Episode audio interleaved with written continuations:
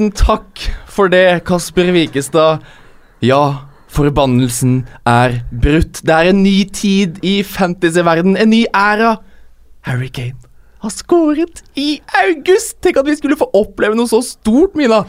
Ja, jeg føler meg egentlig ganske privilegert, må jeg Ja. si. Det er jo et stort øyeblikk for uh, verden. Uh, såpass må vi, vi må kunne ta i såpass mye, altså. Mm. Men det skal sies at det var også et veldig raust uh, Fulham-forsvar, som var ivrig til å være med å bryte den forbannelsen. Ja, det var det definitivt. Og tenk at vi skulle få oppleve også noe så stort. Å få besøk av Altså, det er et beist av en mann vi har fått inn i studio her. Programleder for podkasten Hockeyprat, Premier League-kommentator Jonas Barriås. Velkommen.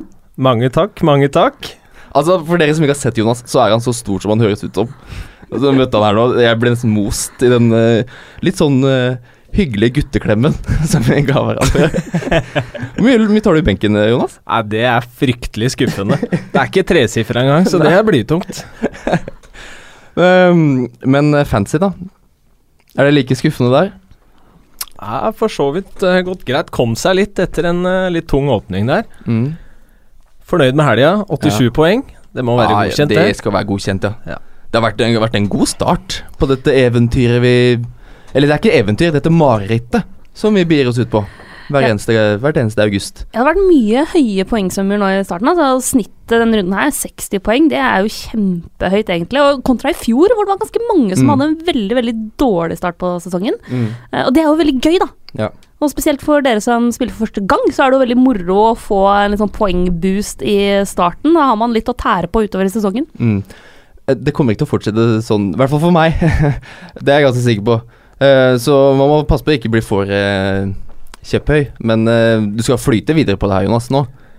Jeg koser meg med den her nå kanskje et par minutter til, og så begynner jeg å se mot helga, og da, da er jeg en sånn type spiller at jeg spiller verken med hodet eller magen. Nei. Jeg bare drar ned rullegardina, og så ser vi hvordan det går. For du gir opp fort.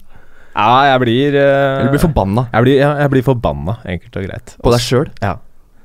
For du tar dårlige valg. Altså, ba- at du ikke evner å se Ja. i forkant Ja. hva som kommer til å skje. Det er mye dårlige valg, da. Jeg kan jo ta en historie. Jeg satt jo og prata med, med en uh, kollega på jobben mye om det her. Uh, vi var innom ja, kanskje alle spillerne du kan velge, da. Eh, vi snakka om Van Bissaka, Robertsen, Mendy, eh, kjøre Mané istedenfor Sala, alt Ja. det der fordi du får valuta. Hva gjør jeg? Jeg gjør ingenting av de tipsene jeg gir, og alle tipsene hadde jo vært fryktelig gode. Så nå er vi på La oss si, da.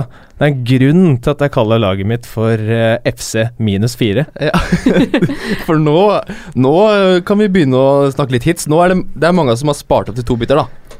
Det er det jo. Ja.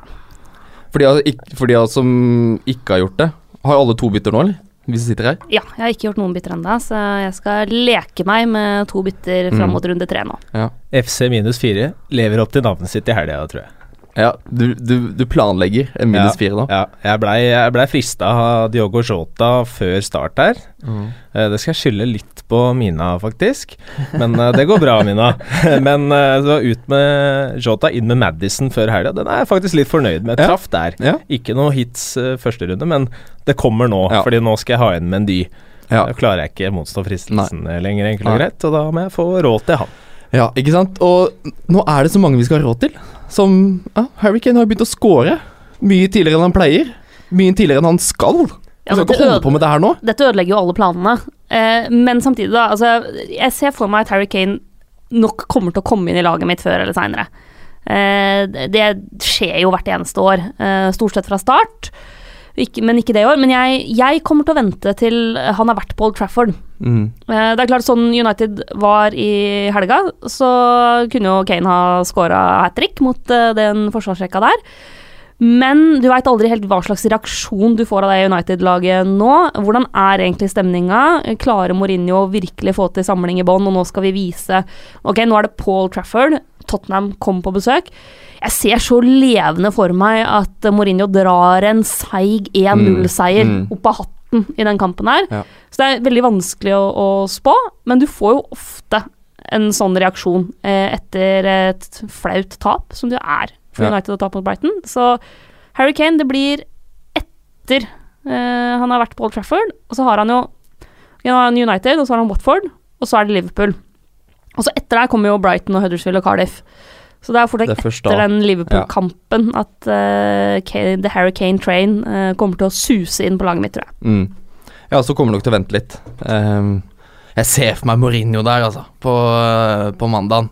Setter opp en eller annen formasjon som ingen har sett maken til før. Han, har- han har brukt hele uka på den taktikktavla, og så bare kommer det et grep, og det er Fellaini det er to, Plutselig drar han opp lillebroren til Fella- Fellaini. Kjører dobbel Fellaini på midten. Og hvis Matic er tilbake, Ja, ikke så har det ganske mye å si uh, defensivt det United-laget der. Mm. Ja, det blir, det blir grisespennende. Eh, Vi skal se litt frem mot neste runde. Vi skal snakke mye om bytter. Det skal være litt byttefokus i dag. Uh, men uh, som vi er så vidt i gang med, så skal vi ventilere litt etter helgens runde. Og det det handlet om, det var én ting det handlet om denne helga.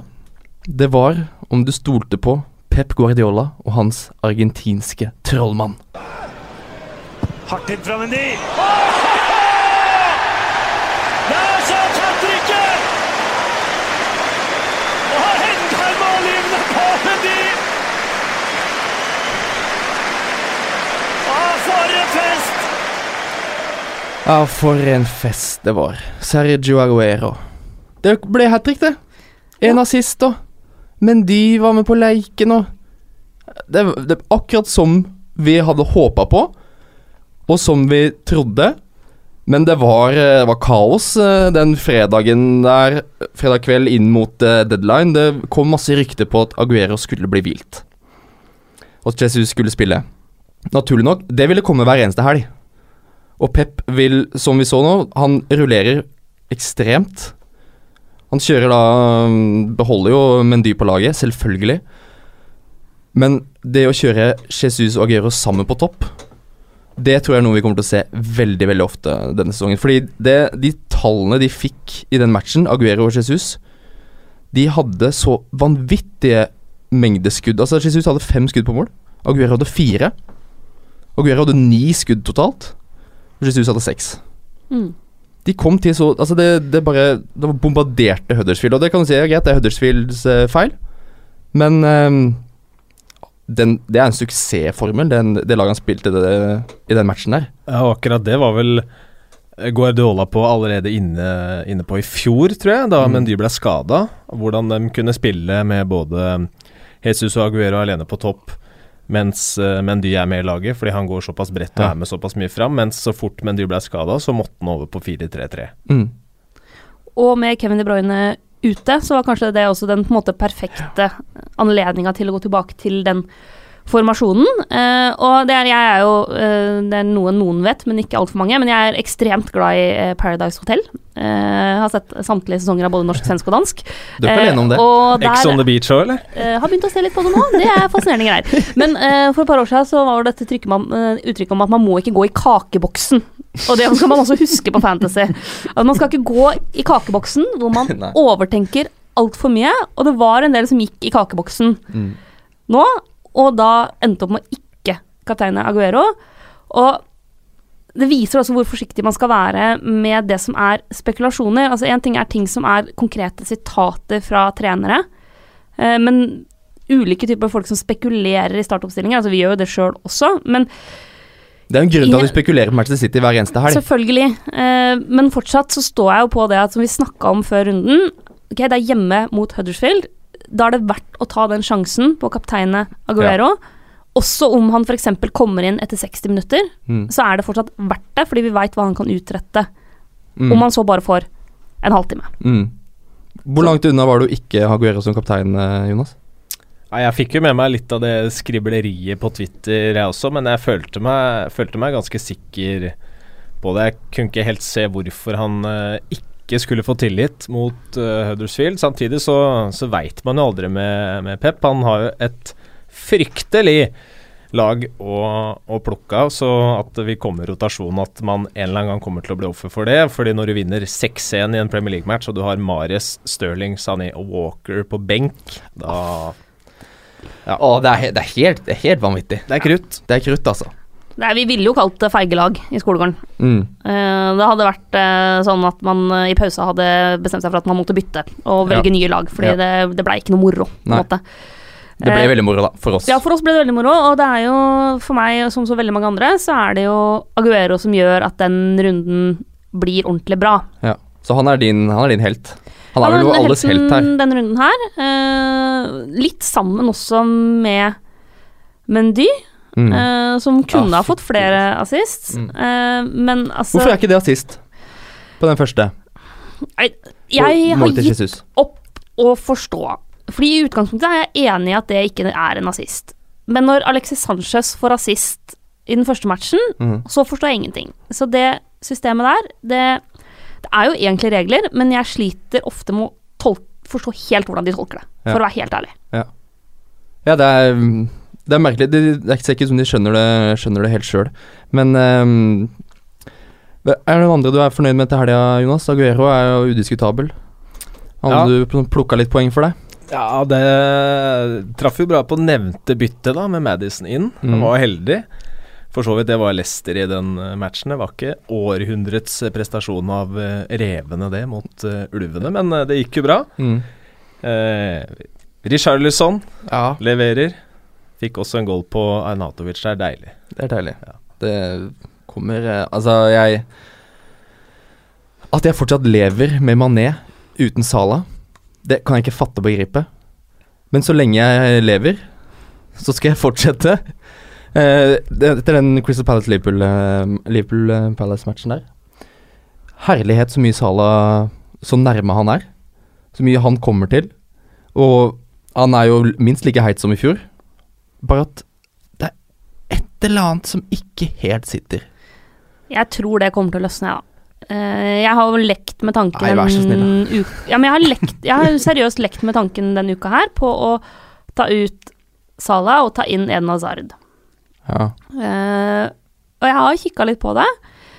Men det å Altså basert på hvordan Salah har spilt, hvor mange sjanser han kommer seg til, hvor mange gode avslutninger han egentlig også kommer seg til, så klarer ikke jeg å ta han ut foreløpig. Eh, og nå er det Brighton og Leicester i de to neste. Mm. Og så er det et, litt, et par litt tøffere kamper, men det gjelder jo det samme for f.eks. Mané, da, som eh, mange også tar inn Mm. nå. Så Inntil videre så står jeg trygt med Salah, eh, og er ganske sikker på at han kommer til å liksom levere jevnt og trutt. Mm. Om han blir like eksplosiv som i fjor, er vanskelig å spå, men det ser jo veldig bra ut i år også. Mm. Det, Men- gjør det, og det er jo ikke til å bli klok på hvis du skal kjøre enten-eller. Eh, så de som sitter med begge to, er vel kanskje dem Ja, som eh, det er det du skal. gliser eh, bredest i øyeblikket. Ja, Definitivt. Det er jo det man skal. Eh, det er mye penger, men eh, det koster å være kar. Eller kvinne. Det koster å leve i dette fantasiverden. Skuffelse fra helga, Mina? Det må jo være altså Van Bissaka er jo vanskelig å komme ut, utenom Mm. der. Satt ytterst på benken min med tolv poeng forrige runde. Inn i laget i dag med minus to. Selv om han jo gjør en igjen veldig god kamp. Jeg ser mange spør om hva, hva gjør vi med Van Bissaka nå? Hvem er erstatter? Hvem kjøper vi inn istedenfor Van Bissaka? Jeg mener svaret er sett Van Bissaka på benken og vent til han er tilbake igjen. Ja. Eh, Ikke begynn å bytte han ut nå, for da faller han i pris. Vær så snill, folkens. Nei, men også fordi basert på det han har levert på de to første kampene, så har han vært ekstremt solid. Jeg kan ikke se for meg at han mister plassen i det laget selv om han må stå over en kamp nå. Han er også veldig offensiv, Mm. og i et Palace-lag som er mye mer solide defensivt Mm. enn de var i fjor høst. Mm. Så la stå, tenker jeg. Eh, så lenge man har uh, Har du tre forsvarsspillere, så la Ja. Van Bissaka stå. Og så må jeg også si at den, utover Aguero, så er jo fortsatt den der spissrekka mi veldig lite imponerende. Uh, Aubameyang kommer seg til kjempesjanse på kjempesjanse, og ingenting sitter.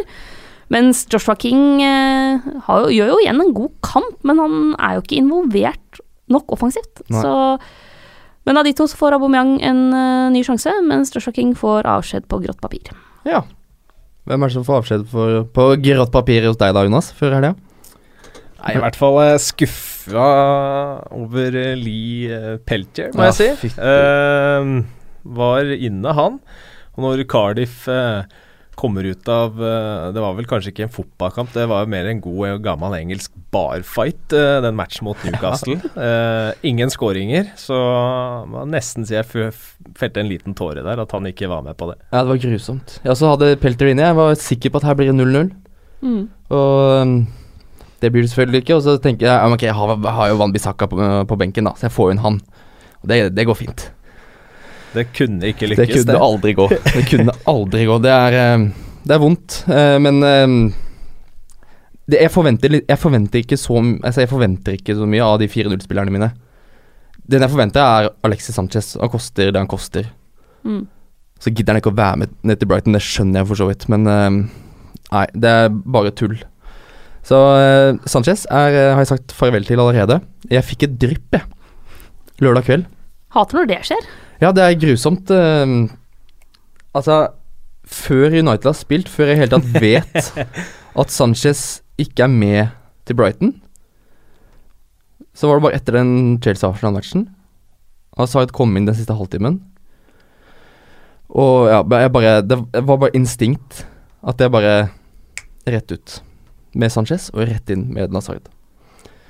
Så sånn, eh, sånn kan det gå. Men eh, heldigvis så går det jo greit foreløpig. Sanchez spilte ikke, og jeg hadde jo gjort det samme byttet uansett. Bare noen dager seinere. Så sånn er det gått. Så jeg lever, lever fortsatt. Vi skal um, ta for oss en del gode spørsmål fra våre kjære lyttere. Som eh, har sendt oss eh, både spørsmål og gode dilemmaer på Facebook-gruppa vår og på Instagram-profilen vår. Der heter vi TV2 Fantasy. På begge plattformer, så bare bli med på festen der. Um, jeg begynte å tenke litt på wildcard-bruk. Det er sikkert en del som har aktivert det nå. Mm. Noen som vurderer å aktivere det, fordi nå har vi kommet til et punkt hvor vi vet litt mer. Litt mer kål på ok, VM-spillerne er tilbake, eh, lagene har satt seg. Det er en del fine kampprogram framover. Altså Arsenal begynner å få fint program. Uh, Chelsea også har et fint program nå framover. Palace også er ganske overkommelig, de ser solide ut. City og Liverpool, de herjer. Det er sånn, Der vet vi at vi, har, vi må ha spillere fra. Nå, vi vet jo nok nå til å stable et lag som vi kan ha hele høsten. Bør man fyre det wildcardet nå litt sånn i forkant? Før på en måte Alle, alle tenker jo nei, vi må vente til landslagspause. Vi må, det går såpass bra. Vi har fått 80 poeng eh, hver runde nå. Jeg føler, hvis det er typen som brenner wildcardet nå etter runde to, så klarer du ikke være trygg på laget ditt eh, resten av høsten og eller ut året, føler jeg. At det da Du kommer til å angre. Vær litt tålmodig. Har du bomma noe så inn i granskauen, så Og det, du ser ikke noen annen utvei, så, så er det selvfølgelig Det er ikke verdens undergang. Få det på. Men det er tidlig, syns jeg. Mm. Ja, det er tidlig. Det er tidlig, men altså Si at okay, normalt sett så ville vi kanskje spilt det wildcard om to uker, da. Runde før runde fem. Det er jo da den landslagspausen kommer. Ja. Hva, hva er det vi får igjen for de to ukene, da? Det er et par ting som, altså, som gjør at jeg anbefaler å vente litt, med mindre det er total krise. Altså, har du et lag hvor du har gømla på masse spillere som ikke får spilletid, eller du har liksom flere skader, du sliter med å f.eks. finne gode erstattere i prisklasse, riktig prisklasse uten å ta masse hits, så det finnes grunn til, å wildcarde nå. Men det er et par lag som enda ikke har satt seg. Ja, VM-spillerne er tilbake, men Arsenal, du ser at Emery fortsatt prøver seg litt fram. Eh, Du ser at det er litt ulike spillere som får sjansen. Eh, Ramsey benka nå sist, eksempel. Så, så Arsenal syns jeg for- foreløpig er litt vanskelig å vurdere. Ja, de har tapt de to første kampene, nå kommer det enklere kamper. Da er det kanskje enklere å se hvilke av de spillerne som er aktuelle. Leno har sunket i pris allerede, 4-9. Hvis han etter hvert tar over for sjekk mellom steng stengene, så er det et veldig typisk sånn wildcard move, men ikke noe Mm. du tar sjansen på, eller bruker opp et bytte på ellers. Eh, det samme gjelder Westham. Mm. Eh, hvor også Pellegrini ikke har fått de nye gutta helt til å svinge sammen med, med Arnautovic og co. Altså Arnautovic er et godt valg å ha nå, men der kan det være andre interessante også. Mm. Eh, de nyopprykka lagene fortsatt litt sånn Fullham eh, ikke helt på plass enda. Eh, Wolves er ikke ikke ikke på plass i det hele tatt. Chelsea Jeg er fortsatt ikke helt trygg på hvordan det Chelsea-laget kommer til å se ut etter hvert. Nå er Hazard tilbake. Eh, kommer sannsynlig Vi trodde han skulle starte forrige runde, men kommer sannsynligvis til å starte nå. Mm. Hvordan blir resten av formasjonen der? Er Morata på gang? Fikk han nå skåringa si mot Arsenal som skal til for at han finner formen igjen? I så fall er han også ganske interessant. Så det er et par av de lagene der som jeg fortsatt Ja. er for utrygg på til at jeg vil anbefale å bruke wildcardet nå, da. Mm. Og United, ikke minst. Hva skjer i Manchester United? Foreløpig tar jeg jo ikke med det med ildtang engang, fordi det går så mye rykter. Det er kjempesur Mourinho. eh, det er Pogba som snakker om feil innstilling. Det er agenten til Pogba, Raiola, som er ute og sier at jeg kan finne en ny klubb til Pogba når som helst, og skjeller ut Paul Scholes og hele pakka der. Så, ja, så det er flere lag jeg syns er ganske interessante, hvor du har ganske mange usikre momenter. Ja. ja, jeg ser den. Det var et litt langt resonnement, men jeg tror dere skjønner hva jeg mener. Ja, Vi klarer å henge med, Mina. Det, du er flink, du. Um, en, men en annen ting som også som måtte spiller inn her, er jo Altså at prismarkedet her, da. Det har vært i voldsom sving de siste dagene, spesielt uh, siden helga. Mané har steget til 9,8 allerede. Han starta på 9,5. Så hvis du måtte Ok, sitter med Eriksen, da. Og så er Salah den dyreste du har. Hvordan skal du på en måte klare å manøvrere deg med såpass få bytter. Mendy har steget 0,2, Richarlison har også steget 0,2. Mange av de spillerne som er dyre, og som man vil gjerne det, er, er ikke så lett å få på de. Så er, kan det være lett å kjøre det wildcardet. Hvordan skal man da angripe denne inflasjonen, da? Som har gått f.eks. med Richarlison, da, hvis vi tar det. For det har vi fått spørsmål på, på Bjørn Harald eh, Lindheim her. Richarlison-toget, har det gått? Hva tror du, Jonas? Nei, det tror jeg ikke. Jeg føler at uh, det er bedre å gå inn for det nå, uh, selv om du går litt i minus på, på byttet. Uh, for jeg tror Richarlison kommer til å ha en, en eh, knallsesong. Jeg syns han har sett ordentlig vass ut i Everton-laget. Spesielt, eh, i hvert fall eh, Jeg kommenterte jo den første matchen mot Mm. Wolverhampton. Det var jo en klasseopptreden. Det var liksom ikke bare eh, Han var med framover. Han var med helt ned til eget eh, cornerflagg. Eh, var litt med i krigen også. Det var ordentlig deilig å se han spille. Eh, og jeg tror han kommer til å være Marco Silvas mann eh, gjennom hele sesongen, enkelt Mm. og greit. Og det er bedre å hoppe på nå og ta de eh, 0,2 du går i minus på det, enn å sitte der med skjegget i postkassa når den eh, plutselig krysser sju, da. Mm. Men det er jo ikke sånn at Richarlison eh, kommer til vanvittig mange sjanser. Så mot Southampton der så har han ett skudd på mål. Det er skåringa. Han er jo bare Det er bare et eller annet fordi han hører Marco Silva litt sånn langt baki der. Så bare vet han at ja, men nå går alt fint.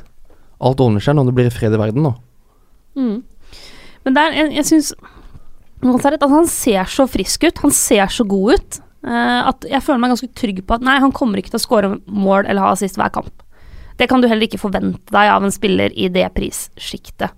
Men jeg føler meg trygg på at han kommer til å levere ganske jevnt og trutt, med mindre han får en type skade eller et eller annet sånt nå. Eh, så, så jeg tenker at sånn, toget har ikke gått helt, han har gått opp litt i pris. Men jeg syns ikke det er for seint å kaste seg på det toget, og jeg tror han kommer til å være en av de som virkelig skinner i det Everton-laget. Mm. Jeg, har, jeg, har, jeg har planer om å få han på nå, faktisk, har jeg tenkt. Det er Det er, det er bittert å være liksom komme så seint til den festen. Nå pleier jeg å komme ganske seint uansett, for jeg liker ikke minglinga i starten. Men det, det Det er som du sier, det er bare sånn Ok, det er bare en flytsone her som det er vanskelig å se kommer til å stoppe. Og så er det litt fordi jeg syns ikke at det er så mange andre i den prisklassen som er interessante, og som er egentlig like interessante som han. Uh, Madison har vi vært litt inne på, skal vi komme nærmere tilbake på etterpå. Uh, som du sa, Ar- Arsenal. Vanskelig å vite om uh, Mkhitaryan uh, kommer til å dukke opp til helga også. Um, så han er høyt oppe på lista mi. Som sagt, jeg sitter med to bytter, det er mange som gjør det. Jeg tenker vi starter med å ta for oss de som vi skal ha måte ut. Um, Joshua King. Ja. Som Arnt uh, Ugland uh, sier, han har ikke innfridd. Skal vi beholde eller selge? Jeg har han, og selger han. Mm. Uh, og det handler ikke om at han spiller dårlig, men det handler om at han har en rolle i laget nå som gir mindre målpoeng. Mm. Hvis du ser på de her heatmapsene på posisjonen hans i laget nå, så ligger han mye lenger bak i bana enn det han har gjort tidligere. Uh, og det er på en måte Callum Wilson som uh, får flyte litt, til, eller litt fritt foran der, mens King er mer på kant og mer rundt midtsirkelen. Han, er, han er ikke fremskutt nok. Eh, så da blir det litt for Jeg, jeg tror ikke det kommer til å gi nok uttelling. Nei. Og da er det andre i den prisklassen og billigere som jeg tror kan levere bedre. På den annen side, da. Callum Wilson kommer ikke til å holde det kjøret her så lang tid fremover. Altså, det kommer en skade. Det Ja. kommer, eh, kommer måltørke. Altså, det er hver eneste sesong så, så herjer Callum Wilson, og så setter vi han på, og så er det tørke. Jeg gikk i den fella Ja. i fjor, og ikke planer om å gå i den samme i år. Det blir helt sikkert en eller annen felle, men Ja. det får være. Så da vil jo King Han vil jo få måla sine til slutt. Ja, men eh, da får man heller vente på en eventuelt uh, Callum Wilsons skade, da. Og så er det også noe med at King er en veldig viktig spiller i det Bournemouth-laget. Uh, og han er også ganske viktig i den posisjonen han spiller nå. Mm. Hvor han også gjør en del defensivt arbeid, han gjør en del arbeid i det oppbyggende spill. Altså, altså, jeg tror ikke at det bare er å dytte han opp som midtspiss uten videre, på en måte. Mm. Så nei, han uh, forsvinner fra mitt lag. Mm. Altså mange som sitter med Diogo Jota, og uh, fått spørsmål her på Altså det er egentlig Det er det nickna Instagram-navnet jeg gjerne skulle hatt, men som da ser er opptatt. Det er sjef-1. Lurer på om jeg skal Yota ut, Jonas?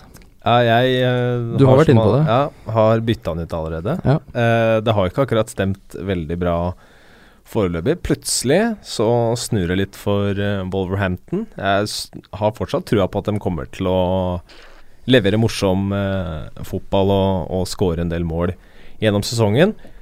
Er en liten sånn eh, tilpasningsprosess som må til her, tror jeg, for å, for å være, venne seg litt til nivået og intensiteten i Premier League. Men i øyeblikket så mener jeg at det er mer spennende alternativer i den prisklassen som, mm. eh, som Yota er. Det er jo helt sykt at Wolverhampton ikke får med seg noe mot Leicester der. Jeg så um, det expected goals i den kampen. Um, Leicester hadde 0,18. Wolves har 1,21. Og Leicester vinner 2-0.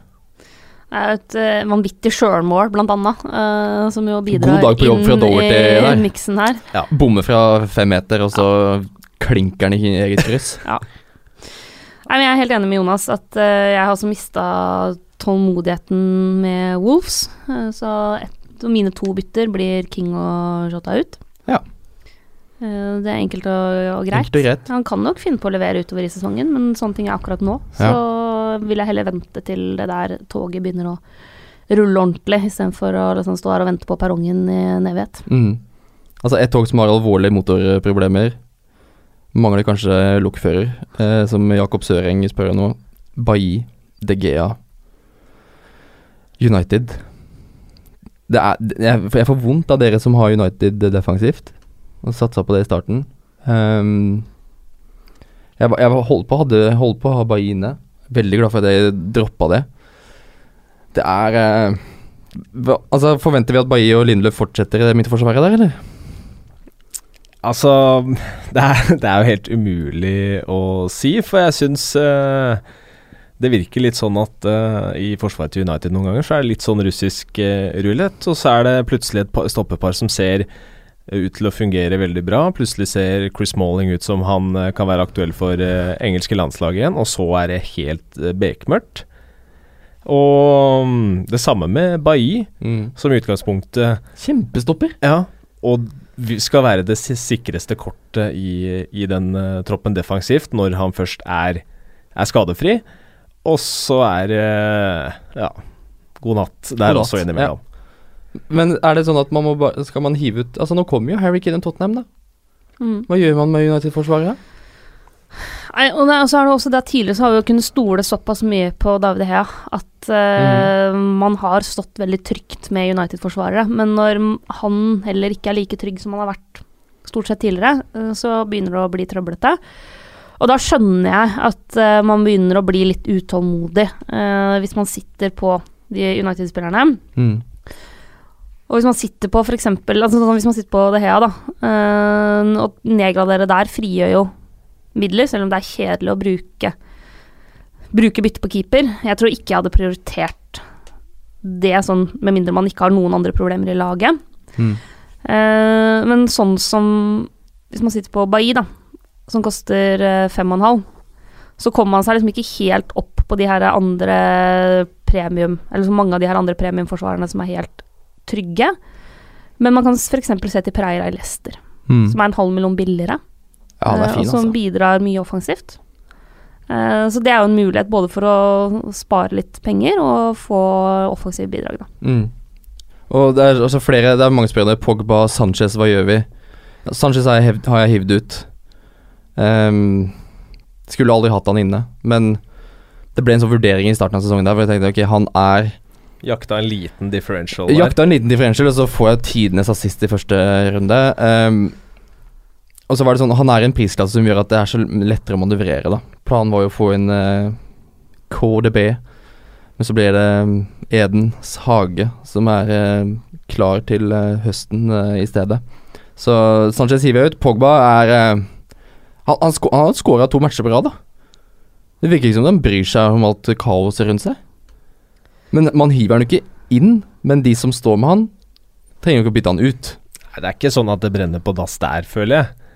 Uh, nå tror jeg ikke United kommer til å fortsette å få straffer i hver eneste match. Eh, selv om det er jo et tema, det er hvor ofte United, Manchester United får straffer. Jeg tok faktisk en titt på akkurat det der i stad, og jeg vil vel si at det er mer en myte enn en realitet at eh, Manchester United får fryktelig mange flere straffer enn alle andre. Men hadde jeg sittet med Pogba, så Ja, det kommer helt an på hva ellers du har, da. Men det er, det er ikke sånn at det er kritisk, føler jeg. nei. Nei, det det kan, det, kan gå, det kan gå fint, det. Det kan gå fint. Noe må skåre for eh, United. Ikke noe å prioritere å ta ut. Sitter man med Alexis Sanchez, så mener jeg at det byttet Ole Martin har gjort, er fasit. Ja. Det er klart, nå er det 0-1 forskjell, eh, fordi Sanchez har jo sunket i pris. Så det er nå 0-1 forskjell mellom han og Edna Hazard. Ja. Så hvis man har litt i banken, eller har to bytter, eh, og har muligheten til å knappe inn litt et eller annet sted, så, så er eh, Hazard Mm. den man bør prioritere å få inn. Mm. Jeg får det ikke til, men eh, Nei. sannsynligvis. Vi har også fått spørsmål fra Olav Eide om man skal beholde Eriksen. Jeg mener det er et soleklart ja, selv om det ikke har vært eh, mye å skryte av de to første rundene, poengmessig. Men forrige match på Fulham så hadde han fem skudd. Det er flest i Spurs, det. Mm. Flest i den matchen. Ja, han ligger kanskje litt dypere. Han gjorde det nå mot Fulham når de kjørte tre bak. Så ligger han som en slags indreløperrolle. Men den indreløperrollen den syns ikke jeg gjør noen ting. Ganske fri rolle der. Og han har bare en sånn intensjon for å vite akkurat når han skal være i boks og ikke, har jeg inntrykk av. Mm. Han er eh, Der kommer det til å komme poeng. Det er ikke noe Jeg stresser ikke overhodet for å beholde Eriksen. At det er noen andre som Altså, Kristian Eriksen er en type Er spiller som eh, Ja, du får et par topoenger innimellom, men jevnt gjennom en sesong så vil han levere. Mm. Eh, og jeg ville ikke prioritert å ta han inn nå. eh, Nei, fordi det kommer et Tottenham. kampprogram der, ikke sant? Men hvis du har han i laget, så ville heller ikke det vært min første pri å ta ut han. Nei.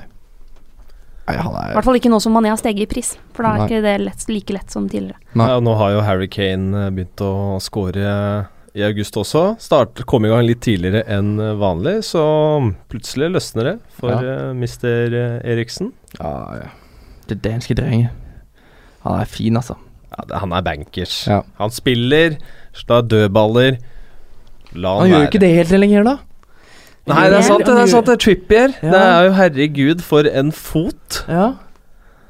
Det er, det er, det er, jeg skjønner jo at folk kan vurdere å ta han ut, men eh, Nei, jeg, det kommer til å bite deg i ræva, altså. Hvis du, hiver ut Christian Eriksen. Det er jeg overbevist om. Ikke, ikke gjør det. Så får vi se da hvor lang tid det tar før det kommer noe målpoeng der. Det, det som vi diskuterer hver eneste episode Midtbanen på det Manchester City-laget. Ja. Mares, eh, Sané, Stirling Bernardo Silva starter igjen. David Silva er tilbake. David Silva er tilbake og er en legende.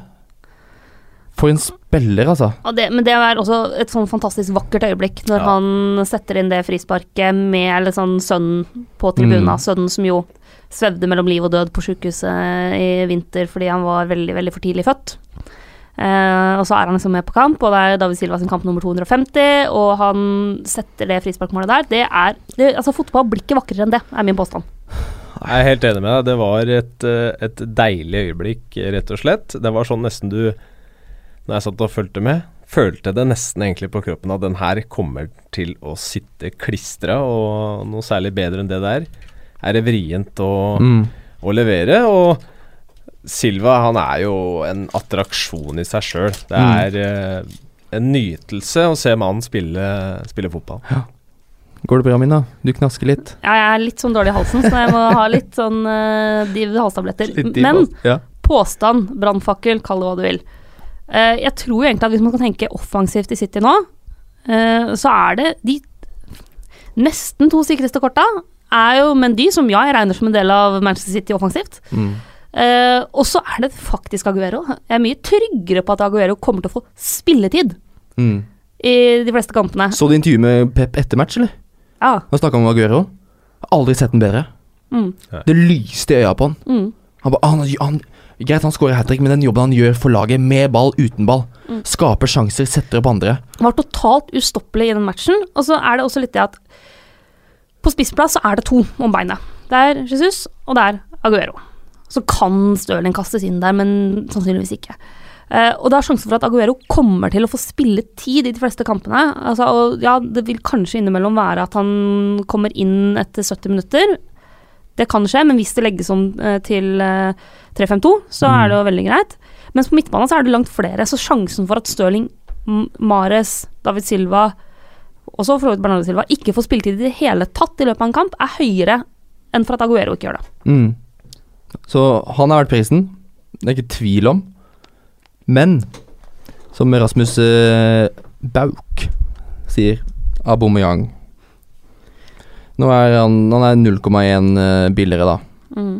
Men er det verdt 11 millioner for Pierre Robert Emerick Aubameyang?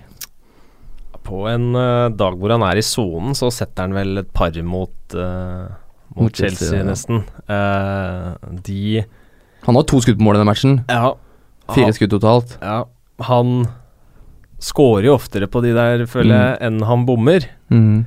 Samtidig så er det litt sånn der Man blir jo ikke trygg på, på det Arsenal-laget, egentlig.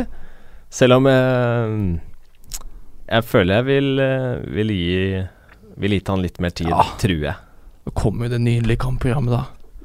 Jeg har Aubameyang. Det var jo bom, bom, bom, bom, bom Badilla Life nå i helga. Eh, men de neste kampene, altså Westham, Cardiff, Newcastle, Everton, Watford og Fulham Ja, ja, ja. Det er verdt Altså, jeg selger han ikke før de kampene. Det gjør jeg ikke, altså. Det er klart, han har ikke fått uttelling så langt, men det har vært mot City Mm. og borte mot Chelsea. Mm. Så jeg lar han stå. Kommer, kommer til sjanser. Han kommer seg til sjanser. Han kommer seg til store sjanser. Satt og banna til TV-en da jeg så på. eh, men jeg lar han stå og tenker så Se den Westham-kampen, da. Mm. Et Westham-forsvar som er eh, ikke 100 må det være lov å si. Mm. Og se hva han klarer å utrette mot et da mye svakere lag enn de to han har møtt så langt. Og så får vi mer. Da veit vi mer om han er verdt å holde i det kampprogrammet de har videre. Mm. Og så veit jeg at det er en fare for at han plutselig benkes for Lacassette. Det, altså, Emery driver fortsatt og prøver seg fram, men det er også en mulighet for at de kan spille sammen. Så Mm. jeg lar foreløpig Aubameyang stå. Det, det kan fort smelle, det, til eh, helga. En som eh, tok litt luven, da, fra eh, selveste Aubameyang eh, den matchen. Det er, eh, Mina, det er ikke meninga å sette oss i et dårlig lys, eller det er jo det er, Jo, det er meninga. Vi snakka om en spiller før eh, sesongen, Mina, Ja. som skulle være sesongens flopp. Jeg vet hvor du skal nå. Men den eh, eminente spanske matadoren på eh, venstrebekken, han har bitt oss i ræva. Gjør ingen god defensiv jobb heller mot Hazard, og der Marcos Alonso! Målgivende til 1-0! Og så er det han selv som setter inn 3-2! Ai, ai, ai, ai, ai. Han gir seg ikke, han. Det, glem man skal spille fullback eller wingback eller hva han nå spiller. Han er jo helt legende, han. Er ikke noe flopp, han, Mina? Nei, altså, han har jo virkelig vist oss at vi aldri skal avskrive han. Eh, jeg har jo litt sånn, litt sånn forhold til eh, Alonso at eh, forrige sesong så skåra han masse og hadde masse assist når jeg ikke hadde han. Hver gang jeg tok han inn, så holdt han ikke nullen og bidro han Så- med nada offensivt. Ikke sett han inn, da. For de Nei, som altså, har jeg, han. jeg kan ta en for laget der. Ja. Um, men så er jeg også litt sånn spent å se. Altså, han har vært i de to første kampene under Sarri uh, veldig god offensivt. Mm. Men mot Chelsea så var han ikke god defensivt. Så jeg er litt spent på hvilke grep som tas der, fordi jeg syns Chelsea har kommet godt i gang med angrepsspillet, men du så mot Arsenal at det er eh, trøbbel i forsvars, uh, forsvarsgireren der òg, og at de klarer Altså, de slipper Arsenal til for mye, så jeg er litt spent på hvilke grep Sarri tar, Mm. og om Alonso får fortsette å være like offensiv. Det har vært pengene, Jonas. Som André Jonsrud Bekkemoen spør. Det er jo vrient å få han inn hvis du, hvis du ikke har noe særlig spillerom. Du bytter ikke ut med en dy Nei. for å sette inn Alonso. Nei, det ville jeg ikke gjort. Eh, jeg føler du var veldig godt inne på det, Mina, at han er god offensivt. eh, ikke så god defensivt. Eh, jeg føler hvis ikke Marcos Alonso skal få lov til å bli med framover, så er det ikke vits å ha ham på banen. Enkelt Nei. og greit. Og så er det jo også litt spennende nå som Hazard er litt med. Hva skjer med rollen til Kanté? Blir han flytta litt mer defensivt? Vil det ja. løse ting litt for, for Chelsea? Vi vet jo der er han jo topp, topp verdensklasse. Mm. Det Jeg veit ikke helt hva Sarri tenker, men det blir spennende å følge med på det. Fordi det er jo fortsatt noen utfordringer, selv om de har starta bra. Ja, for det, altså, Alonso er jo strengt tatt grunnen til at de slipper inn i hvert fall det ene målet der. Det henger jo ikke sammen defensivt. Gjør ikke det. Så jeg tror ikke det blir mye clean på han. Og så da er det jo mye lettere å si at nei, han kommer ikke til å fortsette med den formen han har nå. Det tror jeg ikke ender på i det hele tatt. Så jeg, jeg, jeg er fortsatt skeptisk. Og der er det et interessant dilemma, da, fordi du, han er jo på 6,5. Mm. Stiger kanskje fort vekk nå. Jeg vet ikke om han har gjort det allerede. Eh, og Pedro er jo på 6,6. Ja. Pedro er jo en jeg har vurdert å ta Alonso er inn 6-6 han nå. Ja, da har de likt prisa. Uh, Pedro er en jeg har vurdert å ta inn for Shota. Så kan du si at ok, uh, ingen av dem er nail on i startoppstillinga, Nei. eh, sånn jeg ser det nå. Eh, jeg syns Pedro har sett eh, bedre ut under Sarri enn det William har, med tanke på Ja, ja, kantene. Jobba fryktelig, fryktelig bra. Jeg kan se for meg at han kan få tillit fortsatt. Han får jo ikke de samme clean sheet-poengene som Alonso, men det er mye lettere å få inn i laget, fordi han er en veldig sånn direkte erstatter for en del av de andre midtbanespillerne i det sjiktet der. Så jeg har faktisk lekt med tanken på å da heller ta inn Pedro. Mm. Eh, jeg tror det vil være veldig lurt å ha Chelsea offensivt framover, spesielt med Azard Mm. tilbake. Ja, vi, det vi tror Hazard starter, eller? Vi skal holde oss litt til Chelsea her. Ja. Altså, Det- Sarri har ja. sagt at Han sa før matchen mot Arsenal der at eh, nei, han er ikke klar for å spille 91 nå. En halvtime. Det, var, det holdt. Eh, men sånn som han spiller de 30, så tenker jeg enten så tenker Sarri Ok, her har jeg Tenk å kunne sette inn han siste halvtimen når motstanderne er slitne. Jeg skjønner han jo vanvittig godt at han gjør det. Samtidig som du må jo bare Du blir jo nesten kåt av tanken på å ha han fra start i fulle 90.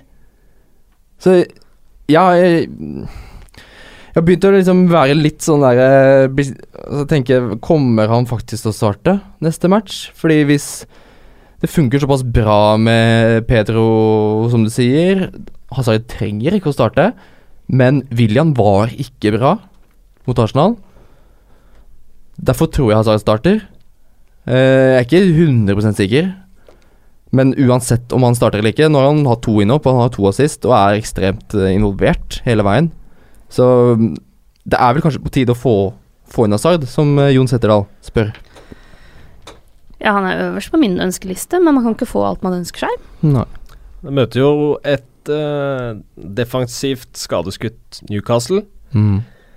Jeg tror det kommer til å bli uh, et fryktelig show på venstresiden for Chelsea der i den uh, matchen. Eh, måtte vel uh, Manki også Ja. forlate banen for Newcastle med skade ganske tidlig etter at han starta for Jedlin, og så forsvant Hayden der, og Ja, det ble jo bare sirkus, så Og Kennedy, altså nå er jo ikke han i forsvarsrekka, men Kennedy kan ikke spille mot Chelsea fordi han er på utland derfra.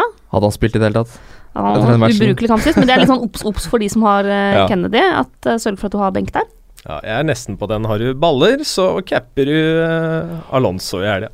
Oh, lekent. Ja, jeg bare ser, men hvem, hvem er det Newcastle skal ha på den høyrebekken? Altså, Jedlin rekker vel akkurat, da. Ja, kanskje Benitez, da. Ja, setter inn seg sjøl. Oi, oi, oi. Kelneren på banen. Nå skal det serveres, ass. Ja, ai, ai. Nei, det Jeg sitter og kikker på et par sånne sånne proje projected lineups i den kampen der, eh, og der, her er det mye gjetting i, i backrekka, så jeg ser at det er noen som opererer med at eh, John Joe Shelby. Ja, det er en god sjanse for John Joe Shelby på bekken. Eh, det er en av de jeg ser på nå som mener at det er liksom 79 sjanse for at vi får Shelby på bekk. Det blir Shelby-pasninga. Ikke Flo-pasninga, men Shelby-pasninga opp til Joselu der. Ja, det Nei, altså, det, det var Chelsea vi var på. Sporer vi sporer litt eh, frem og tilbake men det får være sånn. Nei, eh, jeg gleder meg. Det, er, det gjør litt ekstra Det er litt sånn Jeg blir litt skjelven da når eh, en av de som ligger mitt hjerte nærmest, skal Jeg skal stole så vanvittig på han på, på laget også, men eh, man må bare prøve. Um, Øystein Bang spør om James Madison er den nye vinen. Du satte han jo inn, Jonas. Ja, han smakte godt i helga. Ja. Gjorde det. Gjorde det. God ettersmak. Ja, og fin. Ja. Fin. Han eh, Jeg tror ikke det. Nei, eh, altså eh, Det er jo et stort men der, og når Jamie Vardy mister det, Det det fullstendig, så så ikke det byttet så fryktelig bra ut likevel med det første. Men i første matchen så spilte ikke Jamie Ward fra start. Da var Madison fantastisk. Mm. Nå spiller de sammen. Så blir Vardy utvist, det er greit. Men James Madison har ett skudd i hele matchen. Det er det som går inn. Han produserte ingenting. Det var ingenting som tilsa at her blir det mye poeng. Det at Jamie Vardy er ute, betyr det at Madison blir en mainman, eller betyr det at han ikke har noen å spille på? Ja, hadde jeg visst det, så hadde det vært fint. Men altså, det er eh, Jeg, hold, jeg hadde egentlig tenkt å ta inn Madison. Eh, altså før helga, før jeg hadde sett Leicester i aksjon, og før Jamie Vardy ble utvist. Nå kommer jeg til å legge det litt på is, og vente litt der. Eh, se litt hvordan det blir eh, uten uten Vardy. Eh, og så er det jo det at de møter Altså Nå har de Southampton nå, det er en fin kamp, og så får de besøk av Liverpool i runde fire. Eh, så det, jeg, det haster ikke sånn kjempemye. Så jeg, jeg tenker at jeg gir det et par kamper til. Eh, men etter Liverpool så har han jo flere veldig fristende kamper. Så da har vi sett litt mer. Ja, Mm. det er vel Altså, det byttet er jo Det gjenspeiler jo litt uh, den rullegardina jeg snakka om i stad, som preger mitt eget uh, spill her. Uh, falt for Madison etter første matchen. Jeg, jeg vil ikke legge for mye i, i prestasjonen hans fra forrige match, men det Leicester viser kollektivt, det er ganske skremmende. Ja. Ja, det mm, Du veit liksom aldri med det Leicester-laget. plutselig så er det flyt igjen Ja. uh, mot uh, Southampton neste, hvem veit. Mm. Det, det er liksom det, da. Du veit aldri. Mm. For det, jo, det blir jo veldig veldig spennende å se, da, om Madison kan få til noe. Eller er det Danny Ings, Mina? Ja, eh, Din eh, Du har fortsatt litt øye på han? Nå Ja, fikk han eh, scoring og Jeg er eh, 99% sikker på at eh, Danny Ings skal inn i mitt lag eh, til runde tre. Ja. Eh, det, altså, det er jo sjansespill med tanke på spilletid, det er det. Men basert på det han viste i den forrige kampen, eh, så syns jeg det er såpass sterkt. Fikk jo med seg mål, og det er ikke tilfeldig. For hvis du ser på Han har altså seks avslutninger, to av dem på mål, og ett forsøk på assist. mm. Det er solid til prisen 5-5. Mm. Så jeg tenker å bytte Joshua King til Danny Ings. Og så skal jeg bytte Diego Shota til enten Pedro, hvis jeg tør å tro at han skal fortsette å spille. Alternativ så har jeg også kikka faktisk på et billig alternativ, og det er uh, Frazier i Bournemouth. Ja. Som Ja, også like. har sett veldig fin ut. Uh, han koster fem og en halv, så da har jeg mye penger i banken til å gjøre oppgraderinger litt ulike steder etterpå. Mm. Uh, har på de to første kampene så har han tre forsøk på assist per match. Mm. Det er ganske bra til den prisen, så det er litt de to jeg står mellom akkurat Mm. nå. Det er, den prisklassen syns jeg Danny Ings er et veldig Ja. interessant valg. Ja, det er eh, Det kan bli fint, det. Men det er jo også plutselig så kommer skade, vet du. Det er jo, det er jo en pakke med Ritz i strømpene på, på Ings der ute. Ja da. det er gode leggskinner han Kan har. ikke ta alle sorgene på forskudd. Nei, vi kan ikke det. Vi um, Kan vi ikke kjøre den byttespalten, da? Nå har vi snakka så mye om alle mulige rart. Nå må vi konkludere litt her, Mina. Ja, eh, og da kan vi jo først begynne med sånn Ok, hvem er det som blir mest kjøpt nå? Og de, og de fem spillerne som flest har henta inn til runde tre, det er Richarlison, Aguero, Mendy og Alonso og Mané. Så det er de, de fem som er mest populære å ta inn. Ja. Eh, jeg tenkte at vi kanskje kunne prøve å bli enige om én per lagdel, som er liksom øverst på handlelista, uavhengig av pris. Og så Mm. skal vi også prøve på noen litt sånn tobytterskomboer. Mm. Men ok, forsvarsrekka. Eh, hvem ville vært deres første pri eh, å få inn der? Hvis ikke tenker på budsjett, men hvem er det liksom man har mest lyst til å få inn? Benji Boy. Ja, jeg er enig i den. Mendy? Ja, ja, ja. Enig. Enig, enig. Mendy på vei til å bli must have. Han er det. Jeg kan ikke se Altså, det, er ingenting som kan stoppe han, eh, tror jeg. Her, nei. Han, altså, han er jo Han er jo håndplukka til Guardiola, til den stilen. Og ja Det er helt eh, Det er ikke diskutabelt engang. Midtbana, da? Hvem er det som står helt øverst der, hvis man er onkel Skrue og kan splash til cash? Jeg må si Hazard. Ja. Jeg er enig i den. Eh, det kommer helt an på hvem du har i Mm. Liverpool-troppen, føler jeg. Um. Ja, det er jo, det er jo en måte Altså forhåndsregel om at du har minst Salah eller Mané. nei, jeg tror uh, Du står ikke uten Liverpool nå, du gjør jo ikke det. Nei, det er, tror jeg ikke det er noen i hele spillet som gjør det. I Nei. så fall så er du ganske farga laget du, du holder med. Og da føler jeg ikke at uh, fantasy er spillet for deg, Nei. men uh, Men uh, Edna Sard, helt enig at eh, skal du leke litt nå, så er uh, belgieren fra Edens hage et uh, Mm. meget godt alternativ. Og på topp er det kanskje også bare én mann som egentlig er must have, eller den man sprenger banken for å ja, få inn. Ja, ja, ja. Harry Kane? Nei. Nei, det er jo Det, det kunne vært Harry Kane, men uh, selvfølgelig Sergio Aguero er jo Det er ikke noe å si på han. Han er, han er, han er helt sjef, han. Han er den spissen som ser mest målfarlig ut. Det er jo, det er jo tre, det er tre kjedelige valg, Ja. egentlig, men Men det er derfor vi skal prøve, for det er jo mange som har to, mm, to bytter nå, eller mange som er eh, på jakt etter en litt billigere erstatning. Så jeg tenker at vi skal ta først én billig mann, altså maks sju på midtbana, mm, pluss en eh, spiss. For da handler det litt om å måte, frigjøre midler og sånn. Eller vi kan egentlig bare ta de billige, fordi vi har allerede sagt hvilke toppspisser vi Ja. ønsker oss. Ja.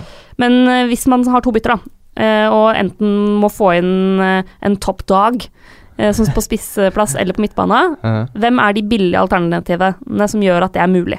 Ja. Spissplassen, så har jeg sagt at Danny Ings er mitt valg. Hvis man Mm. har litt mer å rutte med, så tenker de 6,5-spissene kanskje til og med opp på 7.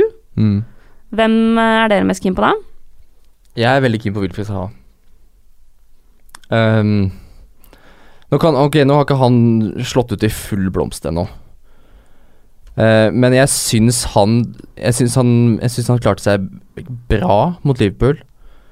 Uh, det er bare et eller annet med Det er et eller annet med at Benteke er så vanvittig ute å kjøre, som gjør at det er ikke Det er umulig å komme utenom Wilfred Saha når Crystal Palace er i 16. Når de er foran motstanderens eh, mål. Og Wilfred Saha er eh, går inn i en fin kampprogram nå. Nå er det Watford borte, så Southampton hjemme, Huddersfield borte, Newcastle hjemme. Og ja, Van Bissaka blir utvist, og de får kanskje ikke De får ikke med seg poeng mot Liverpool, men hvem er det som får med seg poeng mot Liverpool i det hele tatt? da? De, jeg syns de var solide, og det Palace-laget der, med Saha, signert ny kontrakt til den prisen der, så jeg mener han er verdt alle de ekstra 100 000 eh, dollarsene for eh, Som det koster for å få han kontra King, Ings, alt ettersom. Mm. Jonas? Ja, Saha vil være Han er, står høyt i, i min eh, bok også, men eh, jeg får vel kanskje trekke fram uh, mannen jeg har på laget sjøl, Arnautovic. Selv om han er en litt sånn tikkende bombe. Jeg har litt tøft eh, kampprogram også, selv om jeg liker litt sånn typen. Han eh, tør å strikke fram kassa litt og kan fort sette et par kasser i et tøft eh, kampprogram også. Selv om man må forvente noen eh, gule kort. Det kommer alltid. Mm. Det gjør det for så vidt for Wilfred Saha også, som eh, Koker litt hos han noen ganger. gjør fort det. Har en tendens til å falle litt lett innimellom også. Så det er for så vidt ikke lett, det der. Eh, hvis du er på jakt etter en skikkelig ordentlig budsjettløsning, så, så er for så vidt uh, Ings kan Det kan eh, lykkes. Eller så er jo Wilson, da. Vi får se hvor lenge han klarer å holde det gående. Jeg veit ikke helt hva jeg skal konkludere med. Altså. Nei, jeg vil også slenge inn en annen kandidat i, i miksen, og det er en personlig favoritt, og det er uh, Aleksandr Mitrovic. Å, jeg trodde du skulle si Sørloth. Nei Uh, oh, det har vært gøy. Ja, det har vært gøy, men uh, Mitrovic er på jobb. Mitrovic fighter. Mitrovic Ja, ja, ja. scorer på knærne. Ja. eh, og har Burnley og Brighton i de to neste. Eh, Åh, han gleder seg. Jeg tror han kommer til å kose seg mot det Burnley-forsvaret. Eh, bare fordi at eh, da kan han få liksom herje og krige eh, på topp der. Mm. Så Mitrovic også syns jeg er interessant i den prisklassen. Mm. På midtbana, hvem er pri én, hvis vi sier eh, maks sju? Pri 1, maks 7. Eh, vanskelig å komme utenom Richarlison. Det er, det er liksom Det er så det er, uff, Jeg syns det er kjedelig å si det, og jeg gidder, hvorfor skal jeg gidde Ja, vi- å si det? Men Ja, eh, Drit det i det enkle svaret. Ja, vi Ta en det litt eh, svaret. fin variant, da. Will use. Ja. Um, det er, eh, det er han, han krysser ikke av på alle boksene. Fordi Watford er fortsatt Watford, selv om de har hatt en god start. Tøft program framover. Men han har en rolle i det laget som jeg syns er spennende. Det er et potensial der som man har, alle som spilte FM, vet hvor god han kan bli. Eh, så ja, jeg syns han ser spennende ut. Det er også koster han for lite. Han koster for lite, rett og slett. Det er ikke Jeg tror han kan få en veldig god sesong, og veit aldri. Kanskje Watford bare durer på. Mhm. Og så slenge inn, hvis man har trua på Arsenal nå, den Miktarian inn i miksen. Mm. Ikke garantert å starte han heller, det er jo få som er i det Arsenal-laget nå, men eh, så frisk ut mot Chelsea, syns jeg. Eh, og så vil jeg da, som jeg sa i stad, altså Frazier, hun koster fem og en halv. Da kan Ja. du ha råd til å oppgradere ganske kraftig på topp. Du har et alternativ til Frazier samme prisklasse i James Milner. Spiller på et eh, lag som uh, scorer mye. Ja, evig unge James. Ja. James. Setteren fra 11-metersmerket Mm. er uh, Men bruker du opp en plass i Liverpool på Hames, da? ja, Hvis du skal være litt på jobb, så, så kan du heller kjøre Hazard og litt sånn, ikke sant? Det er jo, Det er jo- som vi har snakka om, da. Som vi har snakka om, laget til folk ser jo helt Ja. sjukt likt ut. Skal du være lite grann på kanten her, eh, kanskje kjenne det pirre litt ekstra i kassa inn mot den, så jeg er helt enig i at eh, James Milner eh, At han kommer nok kanskje litt i kort til i Liverpool-stallen, her, men hvis du liker å leve på kanten, Mm. så kanskje du skal gjøre ikke som alle andre, da. Ja, jeg elsker sånt, jeg. Ja. Men da håper jeg folk har fått litt inspirasjon til Mm. hvordan de kan leke seg med byttene sine. Mm.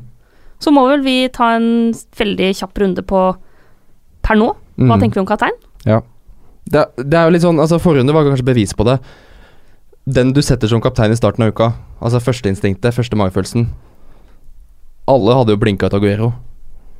Og um, Det kan komme så mye rykter det bare vil, men uh, det er noe med den første førsteinstinktet som ofte er uh, det du skal høre på. Uh, ikke på oss, men eh, hør på magen din. Hva tenker du, Jonas? Kaptein nå? Jeg kommer nok eh, til å gå for uh, Sala. Mm. Hjemme Åpenbart. mot eh, Brighton. Uh, Brighton som kommer fra en, uh, en eh, sterk seier mot uh, United. Selvtilliten er nok på topp. Jeg Skal tror, være litt cocky og- ja, Jeg tror eh, Duffy og Dunk begynner å stå høyt. Jeg tror hverdagen kommer til å treffe dem på, på Anfield. Eh, Liverpool slo dem 4-0 hjemme i mai måned. Og det Liverpool-laget føler jeg har blitt eh, bare enda bedre.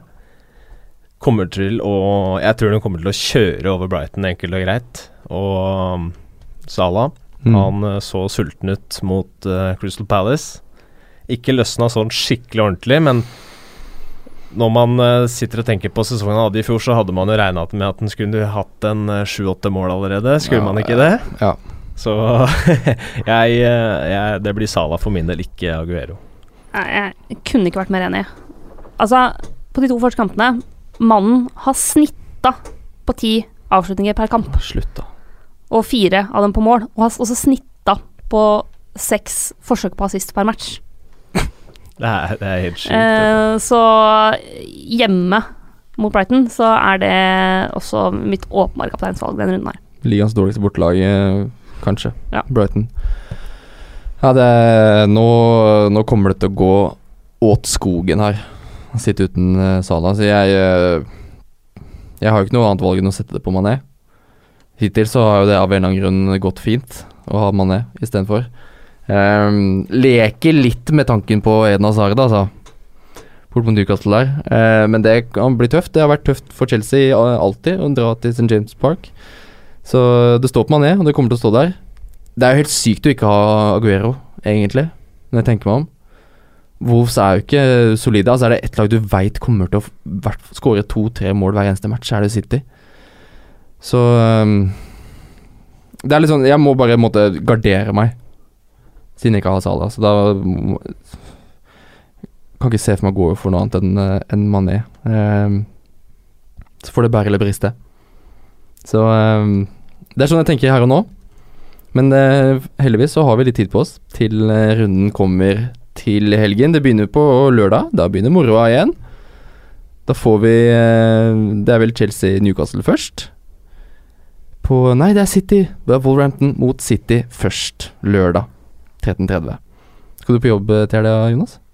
Skal du i boksen? Nei, skal ikke i boksen. Nei, du skal sitte og kose, kose deg med matchene hjemme. Jeg skal sitte og kose meg, og så skal jeg skal jeg i konfirmasjon, så her blir det Premier League og fyrstekake, regner jeg med. Ja,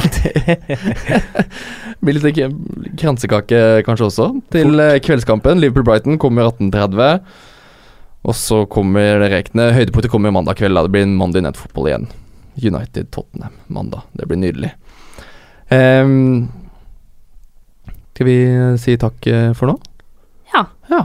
Vi er tilbake på fredag, faktisk. Ja, da er det Fancy fredag igjen på Instagram, og det blir spalter på Facebook og litt diverse, så det er bare å stay tuned. Ja, følg med der på Facebook, Instagram, på TV2 Fantasy. Jonas, tusen takk for at du kom. Takk for at du ville være med. Takk for at jeg fikk komme, det var hyggelig. Og som jeg har nevnt, rullegardinspiller. Ikke ta noe av det jeg har sagt her nå til deg. Det er bare, bare rør. Ja, det er, eh, det er det vi driver med, det. Så det passer godt inn eh, rundt bordet. Mina, takk. Du må komme innom og sove litt. Pleie stemmen. Det skal jeg. Og takk for at du hørte på. Takk for oss. Takk og hei. Vi er glad i dere. Nyt uka.